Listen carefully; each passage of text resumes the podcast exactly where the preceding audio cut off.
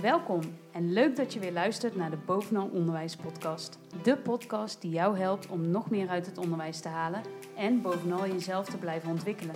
Wij zijn Tom en Christel, beide werkzaam in het onderwijs en altijd op zoek naar nieuwe inspiratie om onszelf verder te kunnen ontwikkelen. Wij maken jou graag deelgenoot van onze zoektocht en hopen je te kunnen inspireren om zelf ook op zoek te gaan naar jouw uitdagingen.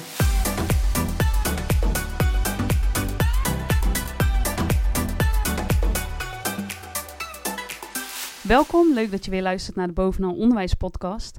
En vandaag gaan we aan de slag met het thema kansengelijkheid. Iets waar wij het vaak over hebben, Tom. En toen was er één iemand waarvan ik zei, nou, die moeten we uitnodigen. Want als er iemand is in 2020 die als strijder voor kansengelijkheid uit de bus komt, dan is het uh, Derrin. Dankjewel. En, uh, Derrin El Hoefi Ja. van Stichting Leren voor de Toekomst. Zo, veelbelovende intro, Chris. Ja, ja, maar ik denk, dat, ik denk dat iedereen het eens gaat zijn met mij na deze benieuwd. podcast. Ja. Ik heb eh Darren leren kennen als directeur van Stichting Leren voor de Toekomst in oktober van dit jaar. En ehm, ja, volgens mij is er bijna niemand die op zo'n jonge leeftijd, want je bent 23, Ja, klopt. zo nagedacht heeft over kansengelijkheid. En ehm, dat in combinatie met organisatie, school en echt voor die kinderen iets doen. Dus eh, daar gaan we het straks over hebben. We willen alles weten over je stichting, hoe je daartoe gekomen bent, ehm, wat je nu doet en hoe je zorgt dat je blijft groeien. Maar we zijn eerst heel erg benieuwd, wat voor leerling was jij zelf?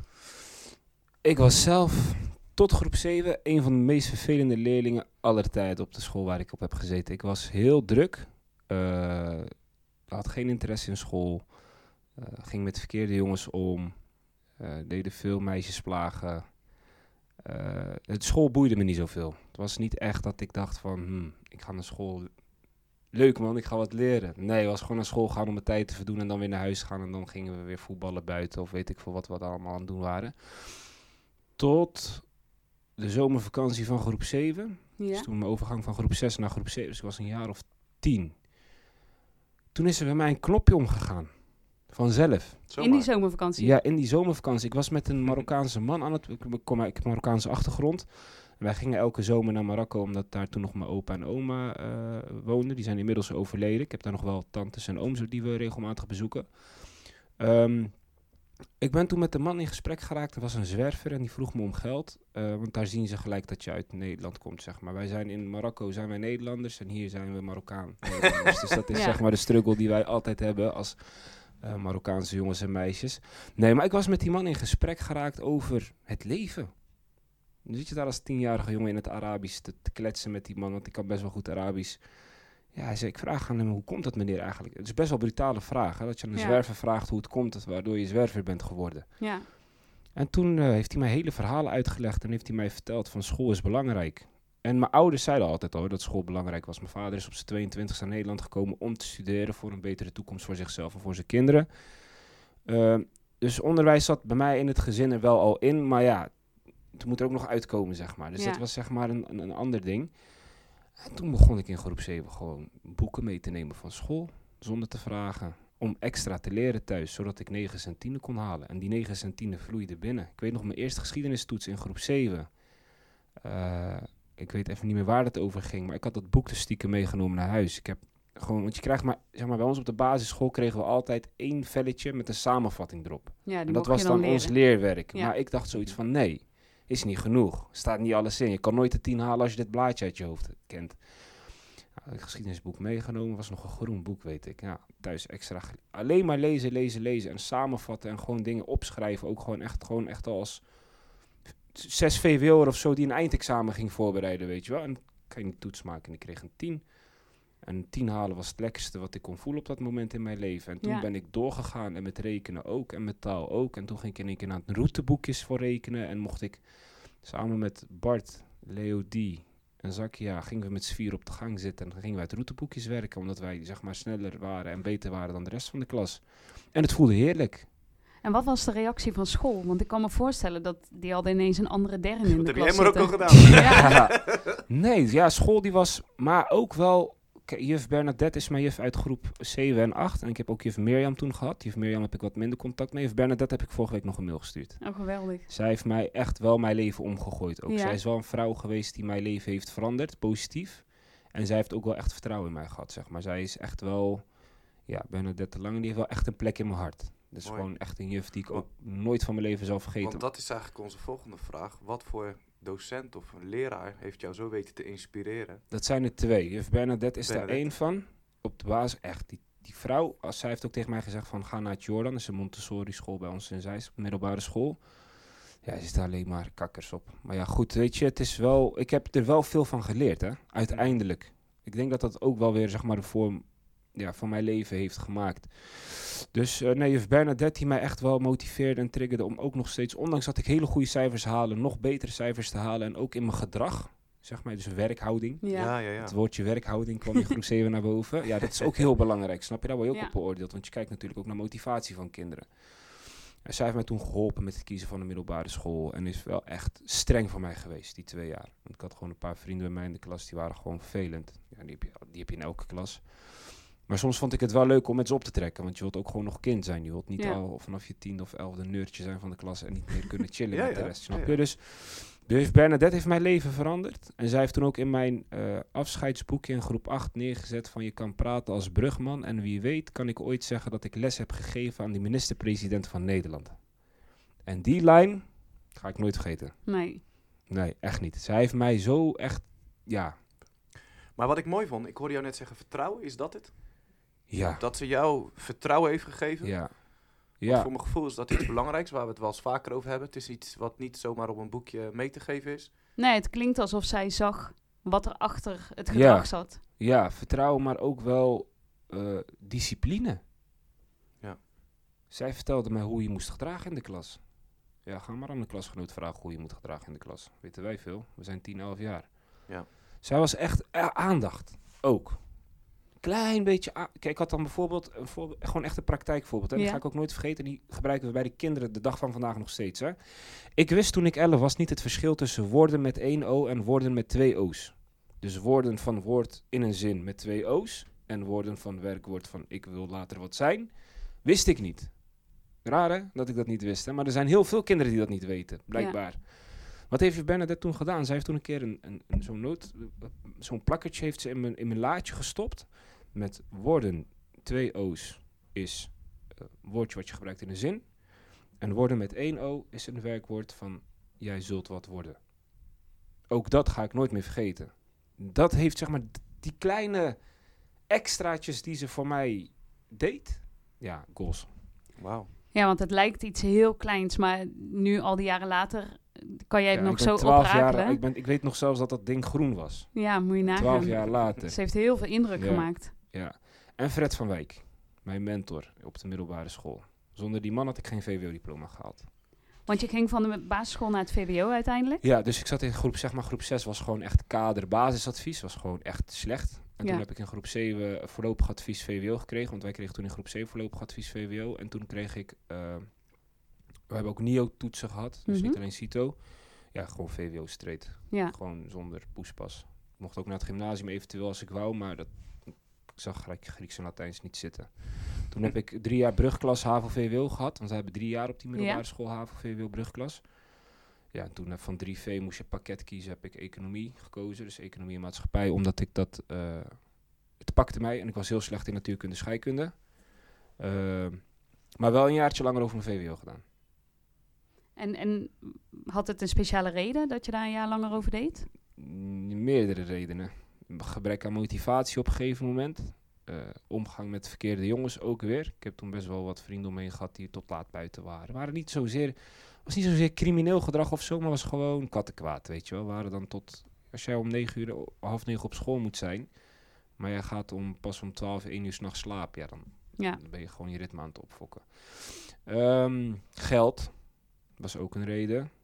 Van twee kanten. Hè. Dus eh, heel veel vrienden van mij op de middelbare school gingen dus naar huiswerkbegeleiding. eh, en bij ons in Zeist was het belachelijk duur. 280 euro per maand minimaal voor één of twee keer in de week. Ja, mijn vader kon dat niet betalen voor mij. Ik kom Nee. uit een gezin van vijf. Ik ben de oudste thuis. Wij wonen in een, eh, mijn ouders wonen nog steeds in een appartement in is in Zeist. Is een, van de grootste fletten van Europa. Met meer dan acht portieken. En woningen gaan van 1 tot en met 1400 39 of zo. Zeg 750 woningen of zo op één blok. Belmerstel gewoon, zeg maar.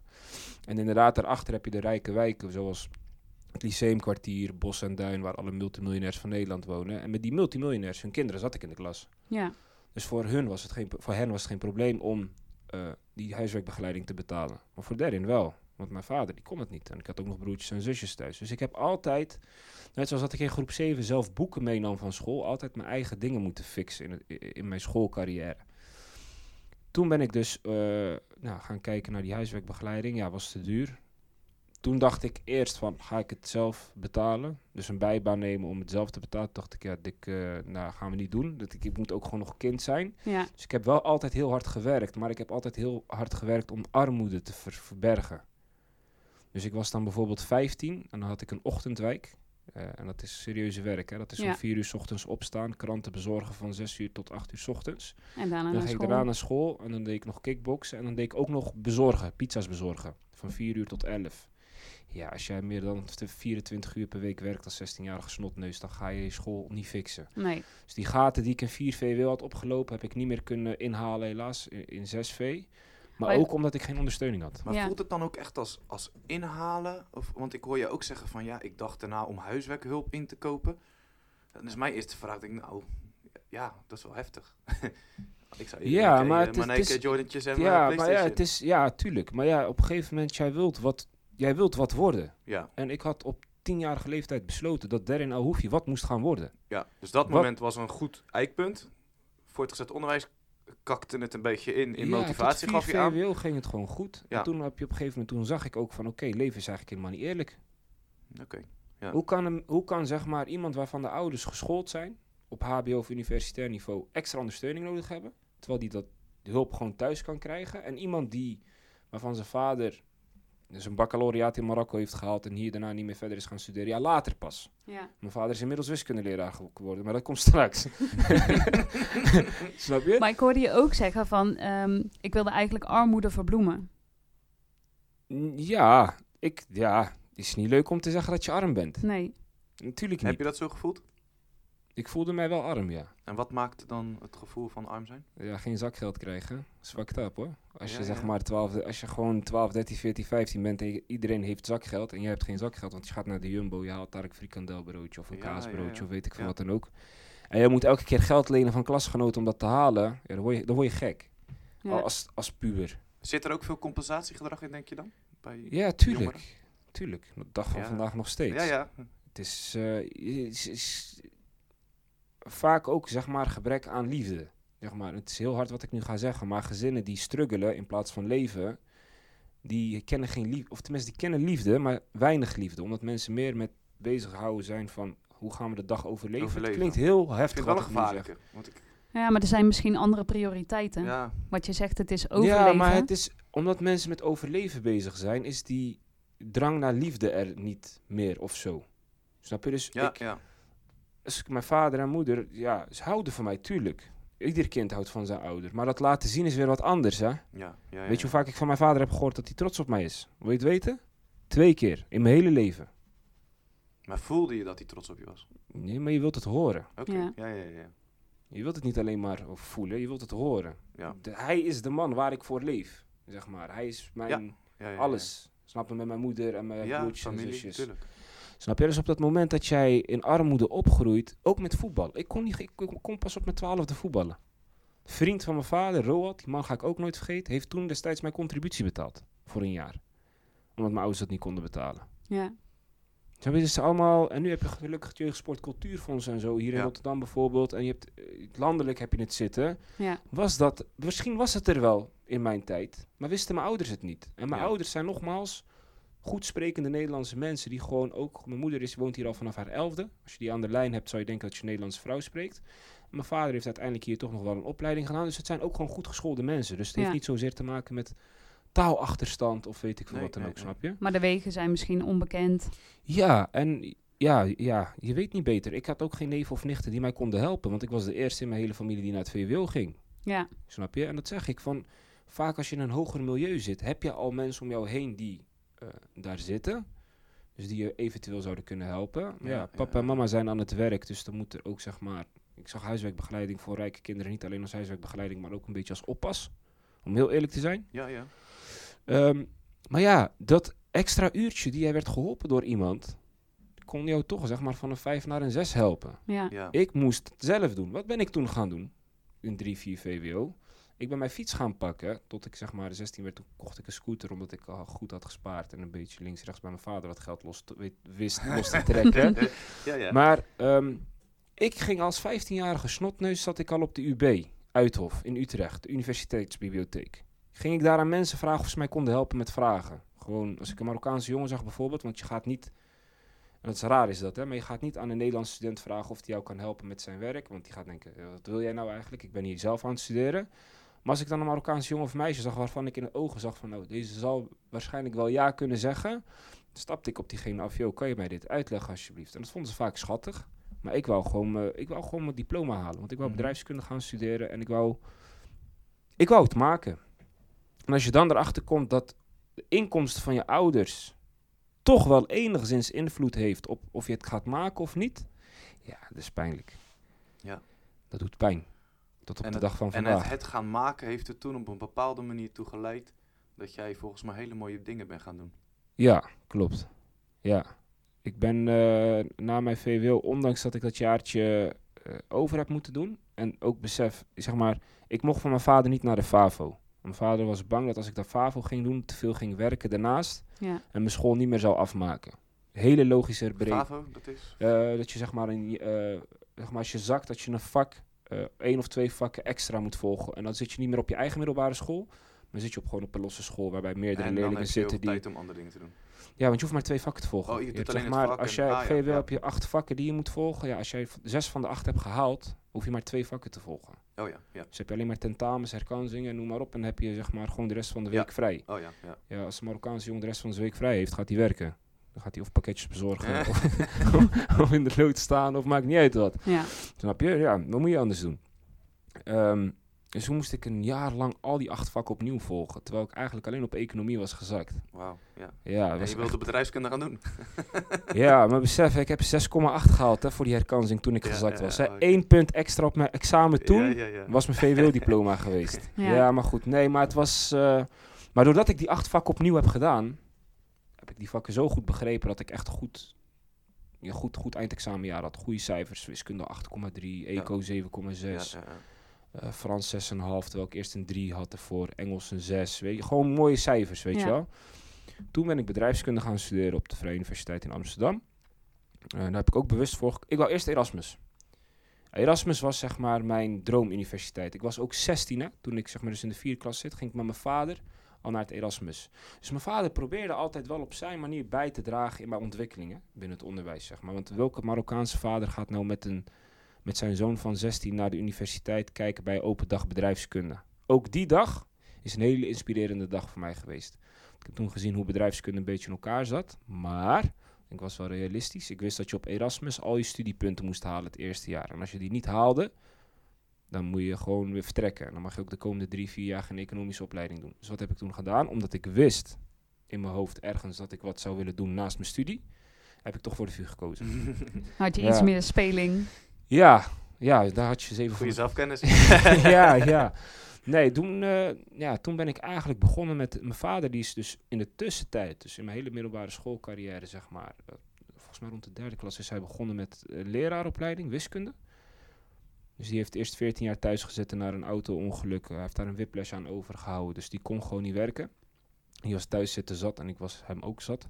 Dus ik ja, ja, maak wat van je leven. Ik bedoel, het kan dat je ongeluk hebt gehad, maar je bent niet echt het juiste voorbeeld of zo voor ons geweest jaren. Snap je? Ja, klinkt heel bot, maar is wel zo. Ja. Hij heeft er gelukkig wel naar geluisterd en is nu inmiddels wiskundeleraar geworden. Eh, en ja, hij eh, vertelde mij van ga bijlessen geven. Hij zegt, ik heb heel veel kinderen bij mij in de klas die willen wiskunde bijles, maar ik mag ze geen bijles geven omdat ik hun leraar ben. Hij zegt, hoezo help je hun niet? Ik zeg, nee man, ik ga geen les geven. Ben je gek geworden of zo? ja, ik was toen 19. Ik zeg, wat ga ik bijles geven? Dat, ik had echt gewoon dat ik dacht van. En dat merk ik nu nog steeds, hè. Zeg maar, heel veel jongeren, heel veel studenten ook, want we werken natuurlijk met heel veel studenten samen, weten niet hoe mooi het is om les te geven. Is dat dan een stukje imago, denk je? Ja, ook. ja, een stukje imago, maar ook niet, eh, ook geen ervaringen hebben in het overbrengen van kennis naar een ander. Want dat is wat je doet als je bijles geeft. Ja. Je bent natuurlijk heel veel kennis aan het overdragen naar elkaar, of nou eigenlijk veel aan het zenden. Maar ik weet mijn, eer, mijn eerste bijlesleerling nog, Abines, dat is een jongen uit Sri Lanka, eh, woont in Kerkenbos, dus bij ons in Zeist. Toen destijds 14, 15 jaar. Hem hielp ik met eco en wiskunde. En als jij zeg maar op een gegeven moment, ik kwam twee, drie keer in de week bij die mensen thuis. ik vroeg toen 15 euro per uur, inclusief reiskostenvergoeding. Eh, dat was nog betaalbaar, zeg maar. Want er waren gewoon studenten die vroegen 30, 40 euro per uur. Dat was echt niet normaal. Ja. En eh, op een gegeven moment, deed je, als je zeg maar drie uurtjes in de week had, kreeg je korting bij mij, betaalde je maar een tientje per uur. Dus ik probeerde wel altijd een beetje die, te, te schommelen met die prijzen. En als mensen het nu, toen niet direct hadden, konden ze ook altijd later betalen. Ik hoefde niet altijd gelijk betaald te worden. Maar op het moment dat ik merkte dat ik het belangrijker vond aan Abines, dat hij goede cijfers ging halen voor zijn wiskunderepetities, wist ik, ik moet hier wat mee doen. En ook zeg maar mijn manier van uitleggen, mijn stijl, zeg maar, hoe ik, hoe ik economie van Jan de Kort kreeg, mijn economiedocent van, eh, van, de, van VWO. Eh, ik geef op dit moment zelf heel anders economie. Ik geef ook op middelbare scholen, geef ik soms extra les, ondersteuningsuren economie. En ik krijg gelukkig altijd van leerlingen te horen dat ze mijn manier van uitleggen zo goed vinden, dat ze het begrijpen. Maar dat komt ook zeg maar door de context. Maar dan wil iedereen natuurlijk weten wat jouw manier is. Ja, daar zou ik een keertje denk ik een filmpje van Apart, moeten eh, maken. dat moet je ja, dat is, eh, is, is, ap- ja, ik weet niet. Maar Gewoon je zegt het komt door de context. ook, eh, als ik gevangenendilemma uitleg, ga ik niet praten over twee gevangenen die wat hebben gedaan en de ene bekend en de andere ontkent. Ik neem twee leerlingen, vraag ik naar voren en die laat ik zeg maar iets doen. En zeg ik, oké jongens, is hier sprake van een gevangenendilemma ja of nee? Ja, oké, is goed, dan gaan we hele andere straffen bedenken. Weet je wel, ook gewoon realistisch of zo, weet je wel. Het moet, het moet tastbaar worden. Ja. En dat is eh, ook met eh, vraag en aanbod. Ja, vraag en aanbod naar Jeezys, de Adidas sneakers waar iedereen gek op is. Dat vinden jongeren veel leuker om daar vragen over te beantwoorden dan over een miljoen watermeloenen of zo. Ja, ja, ja. Snap je? Dus het is, het, je moet het zeg Een maar... mooie metafoor eigenlijk. Ja, je moet Ja, het een ja, ja. beetje... En, en je moet geduld hebben. Want er zijn veel leerlingen die begrijpen het niet na één keer uitleggen. En Ja. veel leraren hopen of denken dat ze zo goed zijn, dat veel leerlingen het begrijpen na één keer. Ja. Maar niet inderdaad, dus weer een stukje eh, diversiteit die je hebt binnen jouw klas. Natuurlijk is er een bepaald niveau waarin je hoopt dat iedereen op meedoet. Maar niet alle 30 leerlingen in jouw klas gaan eh 1 vierde plus 1 vierde begrijpen. Na één keer uitleggen. en, Ja. ja. Snap je? Dat, is, dat, dat, dat, dat kunnen we niet verwachten. Dat wordt wel verwacht. Ja. We kunnen het niet verwachten, maar het wordt wel verwacht. Ja. ja, je hoopt dat je zo Snap goed je? die les ja, geeft. maar ja. Het, is, het is niet wat het is. Snap je? En Ja. ja. daaruit een beetje is leren voor de toekomst ook ontstaan. Dus ik ben eerst begonnen met het geven van bijlessen bij mensen thuis. Dus mezelf echt, want ik kan niet... Jij kan geen slagerij beginnen als jij nooit een koe hebt geslacht. Nee. Jij kan geen techbedrijf beginnen als je niet weet hoe je moet coderen. Dus ik vind ook niet dat je een huiswerkbegeleidingsinstituut of een stichting of weet ik veel wat je het ook wil noemen kan opstarten als jij nooit bijles zelf hebt gegeven. Dan ben, dan ben jij niet real. Dan ben Ja. jij nep. Ja, ja, ja. Dan ben je daar alleen om maar wat te doen. Je? Terwijl ik denk zoiets van, nee, eh, je moet weten hoe het is. Ja. Ik moet weten hoe het is. Eh, ouders die de Nederlandse taal niet spreken, hoe ben ik daar zelf mee omgegaan jarenlang? Dus alles wat ik aan bagage heb opgedaan de afgelopen drie, vier jaar. Eh, want ik ben dus toen op mijn negentiende begonnen met geven van die één op één bijlessen. Eh, heb ik verzameld. En in een documentje gegoten. En heel goed gaan nadenken over wat wil ik. En wat wil ik is gelijke kansen in het onderwijs aanpakken door betaalbare ondersteuning te bieden. Omdat het niet betaalbaar is in Nederland. Ja. En vaak heb je geluk. Je hebt veel buurtinitiatieven, tuurlijk. Maar hoe goed zijn de buurtinitiatieven als de lessen worden gegeven door vaders? Die zelf niet naar school zijn geweest. Ja. En alle liefde naar die vaders, want ik Ja, weet ja, dat ze ja. van die Zeker. kinderen houden. Maar Ja. wat ga jij pedagogisch en didactisch die kinderen bijbrengen dan? De intentie is goed. Ja, komt maar het, het komt uit een goed hart. Ja. En ik heb vaak met mensen ook gesprekken gehad van ja, moet het dan vrijwillig, moet het niet vrijwillig? Ik heb een tijdje, heel lang hebben wij met vrijwillige studenten gewerkt. Klopt, studenten gaf ik gewoon een vergoeding van 170 euro per maand. Omdat ik vind dat als jij kennis overdraagt aan jongeren, moet ik jouw kennis betalen.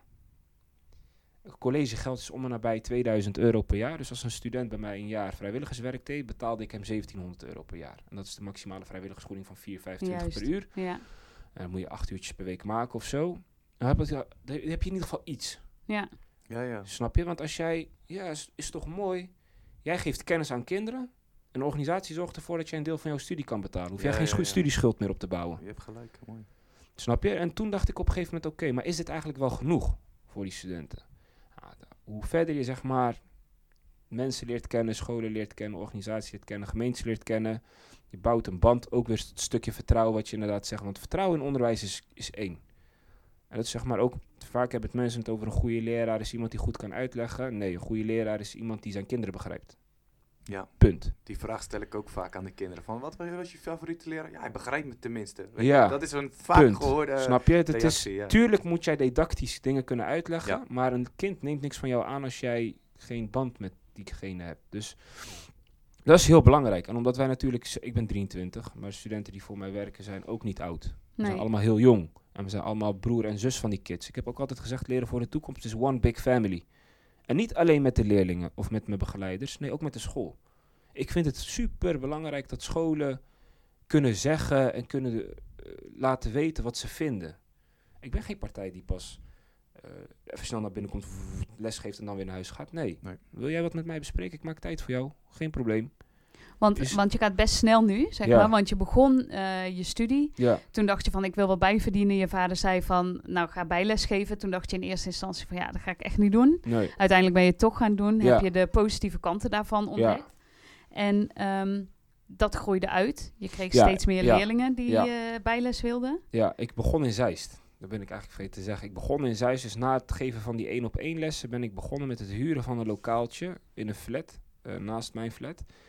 Ehm, en daar had ik als goal om 30 basisschoolleerlingen en 30 voortgezet leerlingen eh, te helpen. Gewoon op de zondag. Je had bedacht van, dit loopt best lekker. Ik haal hier veel voldoening uit. Ja, en, En ik had zeg maar ook zeg maar, ja, gewoon een rekenmodel gemaakt van voor basisschoolkinderen vragen we 35 euro per maand toen destijds en voor middelbare schoolkinderen vragen we 40 euro per maand. En als ik nou zoveel leerlingen heb en ik heb zoveel studenten extra en een beetje huur en een beetje dit en een beetje dat, dan heb ik aan het eind van de maand 1000 euro over voor mezelf. Nou, 250 euro per zondag is leuk, is mooi meegenomen. Ja. Snap je? Is gewoon een goede bijverdienst voor Ja. toen destijds. En dat is gewoon, ja, ik moest ook mijn studie betalen en je wilt ook kleren kopen. En ja, het, ja. Weet je, dus ik dacht van ja, als ik dat zo voor elkaar weet te krijgen, dan doe ik het zo. En ik heb ook gezegd van op het moment dat ik die 60 leerlingen heb, ga ik naar de KVK. Want je begint gewoon iets en je gaat niet gelijk al KVK-inschrijvingen doen en noem maar op, want je weet nooit hoe het gaat lopen. Maar ik heb wel altijd alles zo eerlijk mogelijk proberen te doen, snap je? Dus ik heb toen gewoon, ja, contributies kwamen binnen, tak, tak, tak, dat is allemaal, weet je, gewoon, ja, je betaalde gewoon je dingen ermee, maar toen ik zag dat het echt begon te lopen en er kwamen leerlingen, toen heb ik gelijk afspraak gemaakt bij de KVK en heb ik me ingeschreven. Mooi man.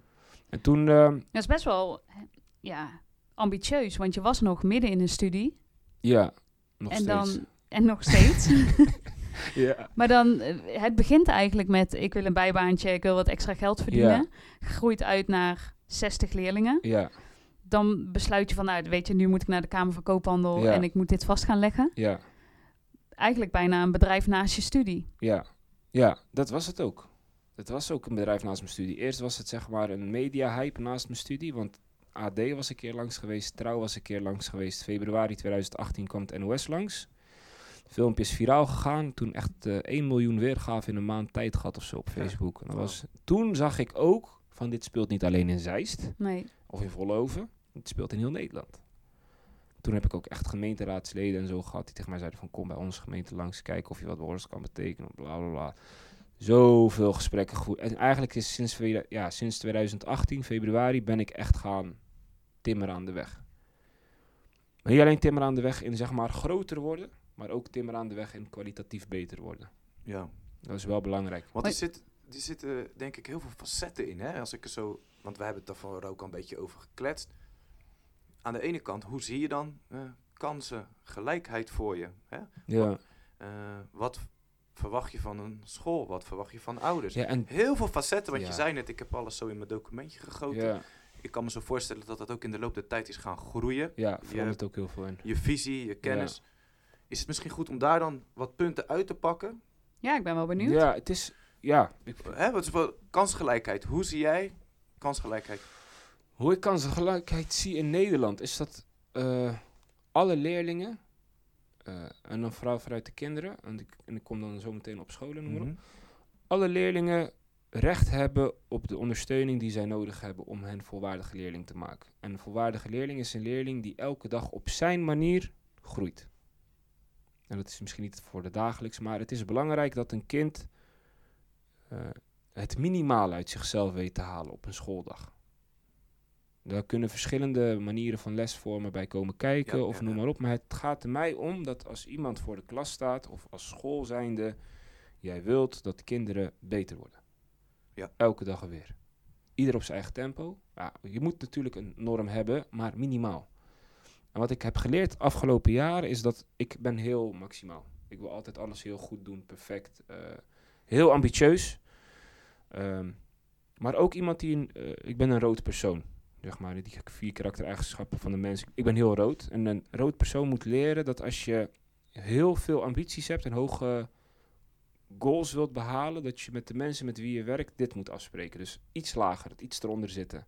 Je moet elkaar weten te triggeren om, om meer naar boven te Mhm. halen. En geld is daar een middel voor. En ik merk nu dat geld te vaak wordt gezien als main reason voor die gelijke kansen in het onderwijs. Geld is een middel. Geld hoort geen invloed te hebben op gelijke kansen in het onderwijs. Punt. Maar dat heeft het wel, inderdaad, als jij op het moment dat jouw ouders die huiswerkbegeleiding kunnen inkopen, dat kunnen inkopen. Maar, en dan, eh, kijk, mijn droom is ook dat mijn organisatie stopt met bestaan. Het klinkt heel gek, hè? Maar ik weet dat als mijn organisatie stopt met bestaan, dat ik goed werk heb geleverd. En scholen het zelf kunnen oplossen. En leerlingen het zelf kunnen fixen. En ouders het zelf kunnen doen. Dat de maatschappij het zelf oplost. Oké. En daarmee bedoel je dat ehm, alle kinderen dus wel die bijles of extra Ja. ondersteuning tot hun beschikking hebben Ja. zonder dat jullie daartussen Klopt. zitten. En ook dat ouders bijvoorbeeld, eh, eh, en elke school is daar natuurlijk anders in. Wij bieden ouders ook aan om met hun mee te gaan naar ouderavonden. Ik heb in mijn leven zelf meer dan 150 ouderavonden gehad. Met ouders. Die ik vertelde van hoe ze, hoe de Ja. school denkt over hun kind, hoe ze met hun kind om moeten gaan. Een beetje advies, pedagogisch advies. Waarom doe je dat? Eh, omdat het eh ouderbetrokkenheid is misschien nog wel het belangrijkste van alles. Denk ik. Ouderbetrokkenheid zegt veel, want je kan een kind inderdaad wel op school hebben en van alles en nog wat leren. Maar als het thuis eh, niets doet of niet iets goeds doet, of eh, ouders niet de tijd en aandacht geven aan het kind, dan eh, ben je aan het dweilen met de kraan open. En dat heb ik ook gemerkt tijdens onze lessen. Wij hebben best wel wat kinderen gehad die we echt goed weten te helpen. Maar we proberen altijd ouders daarin mee te nemen. Want als wij die ouders niet meekrijgen, kinderen moeten van ons verplicht 10 bladzijden per dag lezen. Waarom heb ik dat geïmplementeerd in mijn organisatie? Omdat ouders de enige zijn die kunnen controleren of hun kinderen 10 bladzijden per dag hebben gelezen. Toch? Ja. Ik, mijn begeleiders kunnen dat niet. Tuurlijk Nee. doen we steekproeven. Maar ik, mijn begeleiders kunnen niet van de kinderen checken van heb jij 10 bladzijden per dag gelezen. Ouders kunnen dat wel. Op het moment dat de kinderen die 10 bladzijden per dag niet hebben gelezen, en want zij zijn er vaak gewoon eerlijk in als we ze dat vragen, reachen wij naar de ouders. Yo, wat is er aan de hand? Waarom heeft jouw kind niet gelezen? We hebben toch gevraagd of hij dat wil doen. Ja, sorry, druk. En dan ga je steeds, zeg maar, Ja. je komt steeds meer in contact met die ouders en na twee, drie contactmomenten ben je binnen. Ja. Je wordt voor problemen van hier tot en met Amerika. Echt waar, die mensen die, ze zijn ook zoekende. Ze hebben het druk met hun problemen. Ja, ze zijn ook zoekende, zijn ook... En Weet je, en dan zegt de moeder, ja, ik wil graag naar een autogesprek van mijn dochter. Maar mijn man is aan het werk en ik heb geen auto en het is donker en noem maar op. Ja. En het is Ja. drie kilometer verderop. En ik begrijp niet wat ze zeggen daar aan tafel. ja, Ja, maar het is een hele hè? belangrijke. Ja, ja, ja. snap je? En als jij zeg maar geen... Er zijn... Er is denk ik geen enkele organisatie in Nederland... eh, en ik zeg je eerlijk, ik moet daar ook in verbeteren. hè. Ik zeg niet dat wij het Mhm. helemaal perfect doen, maar... Ik denk dat als de overheid ervoor zou zorgen dat er een instantie of organisatie komt die met ouders meegaat naar ouderavonden. En het moeten niet zeg maar verschillende mensen zijn of broers of zussen van, weet je wel. Gewoon één instantie die dat fixt. Het gaat alles omhoog. Ouders willen heel graag, maar ze Ja. weten niet. Ja, ja, Als ja. vader niet weet wat het verschil is tussen HAVO of VWO, wat moet hij dan nog bij zo'n ad- eindadviesgesprek aan tafel doen? Ja. Wat ik daar vaak ook heel erg lastig aan vind, is dat je ziet dat de kinderen zelf de tolk moeten zijn voor de ouders. Die had ik En- nog laatst. Ja, weet je, en ik denk ook echt dat kinderen dat heel graag willen. En in sommige Ja. situaties zal er echt niet altijd verteld worden wat er daadwerkelijk door die leerkracht gezegd wordt. Maar kinderen moeten dan al vanaf hele jonge leeftijd een bepaalde rol gaan vervullen Ja. die eigenlijk helemaal Niet niet, aan hen Nee. is. Klopt, is ook zo.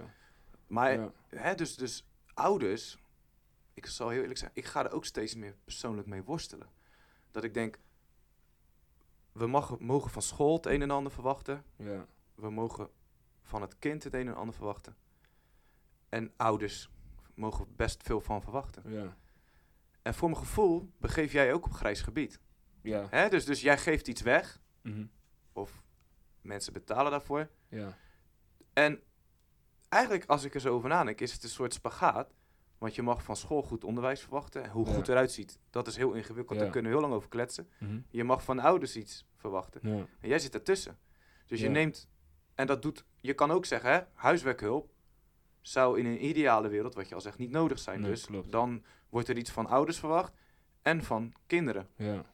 Ik kan me voorstellen dat het voor jou een worsteling is. Want Ja. welk punt bereik, wa- wanneer bereik je voor jou het punt dat je zegt, hé, hey, wacht even. School, ik ga dit niet meer verder doen, want hè, ik ben eigenlijk nu de schooltaak aan het doen. Of anderzijds, hé hey, ouders, tot, tot, wat, wat is jouw kantelpunt dat je zegt, hé, hey, nu stop ik. Hier, eh, ben, daar ben ik nog aan het zoeken. Ja, eh, ja, Maar ik heb inderdaad wel met een maatje van mij, die doet nu beleid bij ons in onze organisatie. En ik vond beleid altijd niks. Eh, ik vond beleid altijd, nou, ik ben geen Ja. beleidsmannetje. nee, nee. Maar je hebt ze wel nodig. nee ja, zeker als je groeit. ja, maar ik heb nu zeg maar, kijk, ik ben twee weken geleden helemaal geflipt op een begeleider. Gewoon echt gewoon tot aan ontslag, zeg maar. Er was een begeleider die zat op een middelbare school. Eh, die zat er zelf op en die moest daar dus nu les geven. En toen hij er zelf op zat, vond hij het geen goede school. Hij vond geen goede school. Eh, maar dat vertelde hij aan leerlingen. Blijkbaar. Dat werd opgevangen. Dat hij dat aan leerlingen vertelde. En ik had zoiets van: wie zijn wij als organisatie om te vertellen of een school iets goed doet of niet goed doet? Weet je, dus vroeger, twee jaar geleden, zou ik hetzelfde hebben gedaan. Dan had ik tegen ouders gezegd: van die school is slecht, die school is dit, die school is dat. Maar dan ga je zorgen voor frictie. Ja. Waarom? Ook met advisering. In het begin, toen ik die 60 leerlingen had in Zeist, heb ik wel eens tegen een ouder gezegd: uw zoon of dochter kan wel HAVO-VWO aan, komt wel goed. Doch, of, eh, zoon krijgt eh, TL-advies, het is MAVO-advies. Weet je wat die vader tegen de school zegt? Ja, daarin zegt hij kan HAVO-VWO aan. Ja, Snap dan je? sta je Dus- er ineens tussenin. ja, dus wat adviseren doen we sowieso niet meer. Dus ik ben zeg maar zo ben ik aan het leren van oké, wat doen we wel, wat doen we niet. Als een school ervoor kiest om een kind te, te, te schorsen, weet ik veel wat dan ook, en een ouder belt mij, ja, ik heb daar niks mee te maken. Is een keuze die van de school, eh, is een scho- keuze van de school. Ja. Op het moment dat jouw kind onrecht wordt aangedaan, door bijvoorbeeld die lage adviezen, wat nu heel veel speelt in Nederland, sowieso in het algemeen, omdat men denkt dat omdat papa en mama arm zijn en niet goed Nederlands spreken, laten we dat kind dan ook maar onder adviseren. Het is, heel, is echt pijnlijk ook dat dat er speelt. Maar het speelt helaas wel. Op het moment dat wij denken, eh, omdat we het kind gewoon best wel goed kennen en we zien van hé, hey, eigenlijk klopt het eigenlijk wel of niet, vragen wij een gesprek aan bij de school. Dus wij gaan niet meer zeg maar in strijd met ouders of met scholen, want scholen vragen ons wel eens ook of we wat met ouders willen doen en zo, Mhm. tuurlijk, maar samen, naast elkaar. Juist. Ja, ja, ja. Niet meer Rijnleg tegenover elkaar. Kijk, die, die, die driehoek die er is, Ja. van kind, ouder, school, leren voor de toekomst zit daartussen. ja, dat is de balans. Dat is de balans. Want we zijn er ook voor het kind. Weet je hoe vaak wij kinderen van, eh, weet je hoe vaak wij dingen te horen krijgen van kinderen die ze thuis meemaken en op school niet durven te vertellen? Ja, ja, ja, ja. Snap je? Dus wij zijn zeg maar, eh, weet je, ja, kinderen die gewoon bij ons hebben gehuild. Ja. Over mishandeling thuis, over gescheiden ouders, over discriminatie vanuit de school. Een schooldirecteur wil ook weten als hij een, een docent heeft die kinderen uitmaakt voor aap of weet ik veel wat dan ook. Ja. Kinderen worden niet altijd geloofd. Maar wie zijn de meest eerlijk op deze wereld? Het zijn toch echt kinderen, kan ik je vertellen. ja Snap je? Dus het zijn zeg maar. Ja, dus ik ben wel zeg maar zoekende. Kijk, ook een school die ons zeg maar vraagt of wij achterstanden kunnen wegwerken. Ik zeg tuurlijk. Ik ga mijn best voor je doen. Maar je kan niet van mij verwachten dat ik met 30 uur extra per jaar eh, achterstanden weet weg te werken die groter dan twee jaar zijn. Is niet, is niet logisch. Snap je? Dat is Tuurlijk, nee, is je ook gaat, niet realistisch. Nee, maar het, het wordt wel weer verwacht. En dat is dat verwachtingspatroon en verwachtingsmanagement in het onderwijs wat beter kan. Ja. Snap? Ik had laatst, we hebben laatst allemaal evaluatiegesprekken gehad met alle scholen waar we mee samenwerken in Nederland. Twee scholen zijn gestopt. Waarom? Omdat kinderen het beter doen. Ja. Stop. Daar, werd, daar word ik oprecht blij van. Ik kan wel zeggen, oh, jammer, twee klanten minder. Nee, we hebben goed werk Het is geleverd. eigenlijk een succes. Ja, we hadden toen twintig leerlingen op die school die extra intensieve eh, lessen kregen van ons. Eh, twee keer anderhalf uur in de week. Ja, juffen zijn tevreden. Cijfers zijn omhoog gegaan. Dat is wat ik wil. Ja, Ik wil niet jarenlang een huiswerkbegeleidingsinfuus bij kinderen in de arm steken en tien jaar lang hetzelfde kind begeleiden. Want dan zou ik niet goed werk leveren. ik wil kinderen, ja. wil ik handvaten bieden om zelf verder te kunnen. En sommige kinderen hebben inderdaad die extra aandacht en ondersteuning nodig. Wanneer? Kinder- Want, Mhm. want ik, ik, ben, ik ben, zo nu je dat aan het vertellen bent, Ja. ben ik gewoon met mezelf aan het worstelen. Ik denk, Ja, ja, ik hoor huiswerkhulp, huiswerkondersteuning. Wat maakt het dan zo kwalitatief goed? Of wat is er dan voor nodig dat, ehm, dat het verschil gemaakt wordt? En dan denk ik, waarom ligt het dan niet bij, bij de school? De school heeft geen tijd. De school heeft geen tijd. Geen capaciteit ook. Scholen zijn te druk op dit moment met bijvoorbeeld het lerarentekort. Corona. eh, Ja. Heel veel andere zaken waardoor scholen zeg maar eh, niet nog de tijd, energie en ruimte hebben. Ze gewoon gebrek aan resources om het zelf op te zetten. Weet je, en je hebt scholen die het zelf opzetten, maar dan zit een leerling, dus een docent al van 9 tot 3 of van 9 tot 2. Ja. En dan heb je haar daarna nog van half 3 tot half 5 of zo. En, eh, het is een andere beleving ook. Ja, Ja. snap je? En onbekenden maken het toch leuker of zo, spannender. Ja, En het stukje gezag is misschien ook anders, hè? Dus dat je dan, ja kijk, wij zijn, wij, zijn, wij, zijn, wij, zijn, wij zijn streng voor de leerlingen. Ik heb ouders gebeld, ik heb ouders gehad hier in Rotterdam die ons belden en zeiden: Jullie zijn te streng voor mijn kind. Ik zeg: Sorry, dan moet je hem eraf halen. Want ik ga mijn beleid niet aanpassen voor een moeder die vindt dat ik te streng ben voor haar kind. Snap je? Wij we zijn gewoon. Een kind moet gewoon normaal op zijn tafel kunnen, of aan zijn tafel kunnen zitten, toch? Ja. Als ik een kind uit groep 8 heb, die driekwart van de les staat in plaats van zit en de hele dag op zijn stoel zit te schommelen, en ik spreek hem daarop aan en hij helpt. Ik zeg, Waarom hel je? Ik zeg tegen dat je moet zitten. Ik heb niet tegen je gezegd dat je de klas uit moet of zo. Ja. Ja, niemand zegt dat tegen mij. Ja, ik ga dan weer denken van hoezo heeft jouw eigen docent nooit wat tegen jou gezegd Ja, over jouw ja. manier van zitten. Hé, Christel, kinderen die een jas aan hebben bijvoorbeeld in de klas. Wij zijn anti, snap je? En ik heb Ik dan ook. wel eens een begeleider gehad die dat dan bijvoorbeeld niet zag of niet doet. Maar dat zijn ook weer zeg maar studenten. En ik zeg maar, die moeten ook weer leren, snap je? Ja, maar ja. als en kind... tegelijkertijd is dat ook wel de kracht van je organisatie. Dat het studenten zijn, dat er heel veel diversiteit onder de mentoren Ja. is. Want wat ik dan hier terug zie op school, op het moment dat die mentoren er zijn, daar staat een voorbeeldfiguur. Juist. Iemand waar ze naar op kunnen kijken, iemand met wie ze zich kunnen Juist. identificeren. En dat is gewoon binnen het onderwijs en het lerarenkorps heel erg moeilijk, want Klopt. die diversiteit is gewoon heel klein daar. Ja, klopt. Dus ik denk dat dat het grote verschil maakt Ja. bij jullie. Ja, ja klopt. Nou, we zijn inderdaad sowieso heel divers, maar ik vind diversiteit alleen niet genoeg. Zeg maar, dat ik zeg maar werk met veel studenten die een niet-westerse komaf hebben, of een Nederlandse komaf hebben, of een, een eh, van Syrische komaf zijn. Of dat is sowieso heel belangrijk, dat begrijp ik.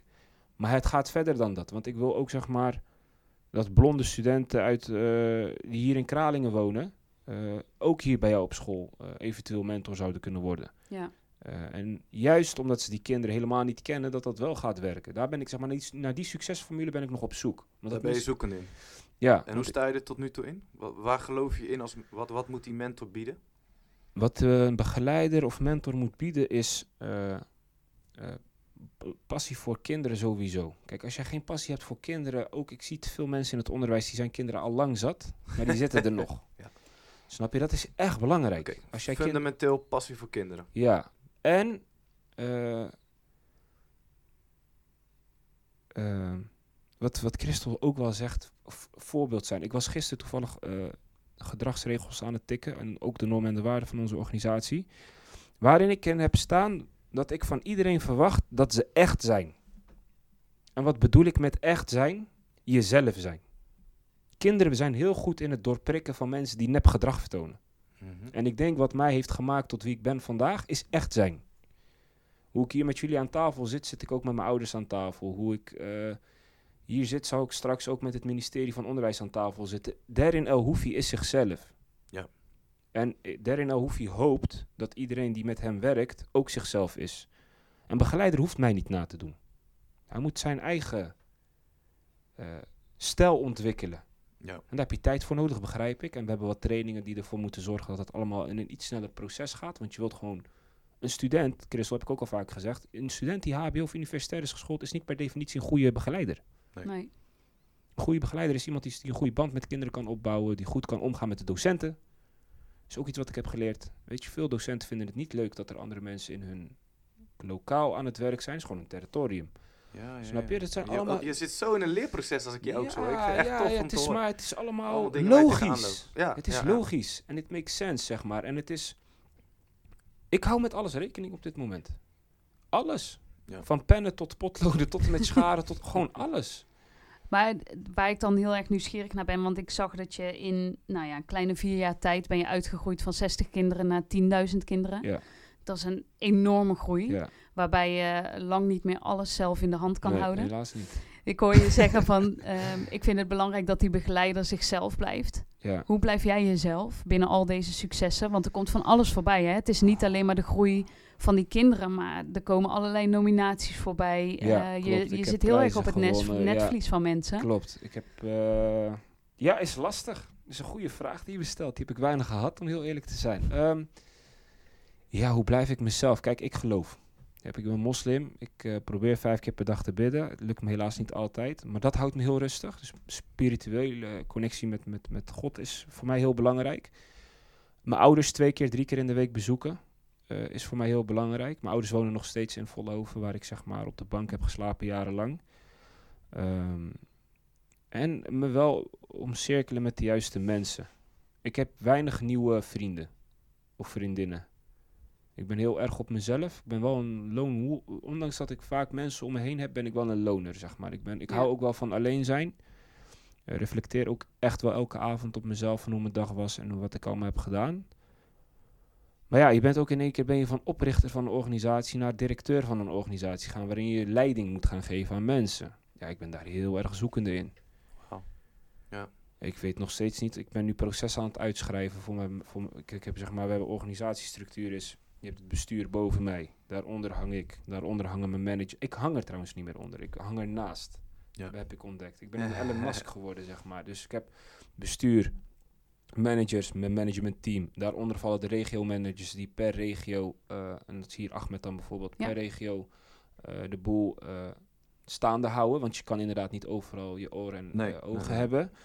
Eh, en ik denk dat het ook wel fijn is voor scholen dat ze iemand uit de omgeving hebben die hun weet eh, te helpen. Ja. Zeg maar met van alles en nog wat. Want ik kan niet van eh, Utrecht elke keer nee. op en neer reizen. Dan heb je een locatieleider, die is ook nog eens op locatie. Dus iemand die gewoon op locatie zeg maar, de boel in de gaten houdt en dat lesmateriaal in orde is en dat opgebeld wordt naar ouders en noem maar op. En dan heb je de begeleiders. Dat is zeg maar de organisatiestructuur die ik nu heb. En Ja. het kost me wat. En ondanks die lage prijzen weet ik het nog steeds voor elkaar te krijgen. Dus het is bullshit dat mensen eh, hoge overheidkosten moeten maken. Ehm, maar ja, ik ben nu wel voor elke positie ben ik aan het kijken van... hé, hey, wat is dat? Want ik ben eigenlijk alles geweest, ook. Ja, je rol Ik ben, ik ben begeleider geweest, ik ben locatieleider geweest... ik ben regiomanager geweest, ik ben manager geweest. Wat is je grootste worsteling? Mijn grootste worsteling op dit moment? Eh, te ambitieus zijn. Is dat erg? Ja, En waarom? eh, omdat je jezelf vergeet. Ja, ja, ja, ja. Je gaat tegen zoveel dingen ja zeggen en tegen zoveel dingen. eh, de druk op mijn schouders is extreem. Onbewust, hè? Want eigenlijk als ik hier straks wegloop en ik ga naar huis, dan is eigenlijk niks aan de hand. Maar ik ben continu aan het schaken in mijn hoofd. Ja. Snap je? En ik ben zeg maar zoveel bezig geweest met anderen helpen. Alleen maar anderen helpen. En voor kids en voor ouders en voor scholen en voor mijn mensen en voor thuis en voor dit en voor dat dat ik mijzelf wel op een derde, vierde plek heb gezet. En wat moet er dan nu gaan gebeuren? Eh, want ergens heb je die ambitie. Je Ja. hebt uit, hè, voor jezelf dingen opgeschreven, bedacht. Wanneer komt het moment dat jij dan tijd voor jezelf gaat nemen? Nu? Nu. Ja, Dat is mooi. ja ik heb En wel dan zitten wij gezellig met jou. Ja, nee, maar ik, ik, hier ontspan ik van. Oké, dat is mooi. Mijn verhaal vertellen aan Ja, ik vind mensen, vind ik, fantastisch. vind ik, daar krijg ik rust van, krijg ik energie van. Christel zei het al, van joh, Tom, geloof me nou maar, dit wordt een heerlijk gesprek. En tot nu toe kan ik niet anders zeggen. Ik zit nu alleen met me, ik denk, shit man, die podcast Ja. gaat dadelijk meer dan een uur duren. Maar ja, het verhaal is eigenlijk hartstikke lekker. Ja. Ja. Want Nee, je inspireert mij, en ik weet Ja. zeker iedereen die luistert, ga je ook inspireren. Ehm, maar ja, helaas eh, moeten we toch ergens naar een afronding. Ja. En ik, ik zit zo eens te denken van, zijn er nou nog dingen, als jij op onze stoel zit, van, waarvan je zegt, ja, dat moet je me nog aan me vragen. Of Dat vind ik belangrijk om nog te kunnen vertellen. Zo. ehm, nee, we hebben best wel veel besproken. We hebben veel besproken, Ja, ja. er zijn, ja, wat is er nog denk ik iets... Ja, ja, ik heb niet echt van tevoren bedacht van dit en dit en dit moet ik kwijt. Het gaat altijd vanzelf. Nee, ja, weet je, we hebben het misschien heel weinig over leraren gehad. Is er iets, want de meeste mensen die luisteren zullen leraar zijn. Ja. Heb jij een, een, een tip of, of iets, een advies wat je mee zou willen geven aan leraren die zeg maar de kleine derin in hun klas Ja. hebben zitten op dit moment? Nee, dat hoeft niet, hè? Hij eh, wil gewoon eh, Het dat hij is- zichzelf kan zijn. het is- Nee, ja, zeker. Ja, maar ik bedoel, als je terugdenkt Nee, aan zeg- weet je Ja, wel, die ja, op de basisschool zat. wat, ik, wat ik leraren mee wil geven, en ik weet echt, het is lastig en bijna niet te doen. Maar verdiep je in de leerlingen. Niet als meester of juf die wat moet leren aan de leerlingen, maar als mens Ja. die wat moet meegeven aan de kinderen over het leven. Op het moment, en dan heb ik het vooral nu even over culturele zaken, hè, dat jij niet weet als blonde juf of meester in Rotterdam-Zuid bijvoorbeeld, hoe de Marokkaanse cultuur eruit ziet, hoe de Turkse cultuur eruit ziet, hoe de Somalische cultuur eruit ziet, hoe de Surinaamse cultuur eruit ziet. eh, dat praten over homo's en lesbisch in die gemeenschap toch niet zo makkelijk is als, als je denkt dat het is. Dat een kind die, wat, van- wat, die deze pen van jouw tafel pakt zonder te vragen, omdat hij gewend is thuis dingen te kunnen pakken zonder te vragen. Wij hebben geen koekjestrommel thuis. Ik hoef bij mijn opa en oma niet te vragen naar een koekjestrommel. Ik pak de kast, ik maak de kast open, ik pak koek, hele, hele, hele zak Mhm. pak ik eruit en die eet ik op. Ja. Maar wat zegt een leraar als hij een kind een, een pen ziet pakken zonder te vragen? Kind is, is, eh, ach, is brutaal. Ja. Wij kijken naar beneden als iemand zeg maar, die Ja, hoger ja. dan ons is eh, met ons praat. Eh, kind is brutaal. Asociaal. Hij durft niet aan te kijken. Terwijl het in de Nederlandse cultuur heel normaal is dat je elkaar aankijkt als je met elkaar praat. En vaak zeggen we van, of tenminste vaak wordt er gezegd van ja, ze passen zich maar aan aan onze normen en waarden en de Nederlandse cultuur. ja, ja. Maar wat is die Nederlandse cultuur dan precies? Ja. Klopt. Vertel mij maar in een notendop wat de Nederlandse cultuur is. Aanpassen. De verwondering moet er eigenlijk blijven, hè? Gewoon wederzijds van ja, iedereen. gewoon aanpassen. en gewoon en, Geen vanzelfsprekendheid. ja, en, eh, ja. en puur. Dus Ja. echt interesse tonen. Dus niet omdat jij van jouw docententeam of van jouw teamleider of weet ik veel wat van jouw directeur naar een training moet gaan over diversiteit. Nee, jij moet puur zijn. Jij moet echt interesse willen hebben in die kinderen. En als je dat kind goed begrijpt, Ja. dan maak je eh, stappen waar je u tegen zegt. ja, ja, ja, ja. Want dat is zeg maar, ja, tuurlijk. Kinderen moeten in groep 8 weten wat alinea's zijn, wat sleutelwoorden zijn, wat noem Ja, Tuurlijk, hoort erbij. Maar kinderen moeten ook leren hoe ze mens moeten zijn. En hoe ben jij een goed mens hier in Nederland? Zeg maar, zeg maar, het burgerschap mist heel erg, omdat docenten zelf, vind ik persoonlijk, te weinig bezig zijn met burgerschap. Jij geeft les op een school in Rotterdam-Zuid. Heel veel eh, culturen. Maar als ik jou vraag naar één specifiek ding van een bepaalde cultuur, wat eigenlijk elk mens zou moeten weten van die cultuur, zeg je, weet ik niet. ja. En jij zegt eigenlijk, als je je daarin verdiept, zal die Ja, en- kennisoverdracht en- ook en- makkelijker en worden. Er zijn zeg maar scholen. Verbinding ook misschien. Er zijn scholen zeg maar, die, die wouden Arabische lessen inkopen voor hun docenten. Maar daar ga je het niet mee halen. Je? het is niet zeg maar. Ja, ja, is goed, creatief. Maar Dat is niet de Nee. weet je, ga zeg maar. Weet je, eh, bel een keer naar die ouder. Spreekt die ouder de taal niet? Vraag een keer aan een collega die wel de taal spreekt of zo. Of die kan kijken wat er is. En natuurlijk, het is. ja, ja. Kijk, ik zeg het altijd: onderwijs is massaproductie. Hè? Het is gewoon massaproductie van de staat. Is helaas zo. Is over heel de wereld zo. Privéscholen zijn er niet. Ja, zijn er wel. Die kosten heel veel geld. Maar we moeten wel goed gaan nadenken over met z'n allen van hoe ziet dat onderwijs van 2020 en inmiddels bijna 2021 nou eigenlijk er echt uit?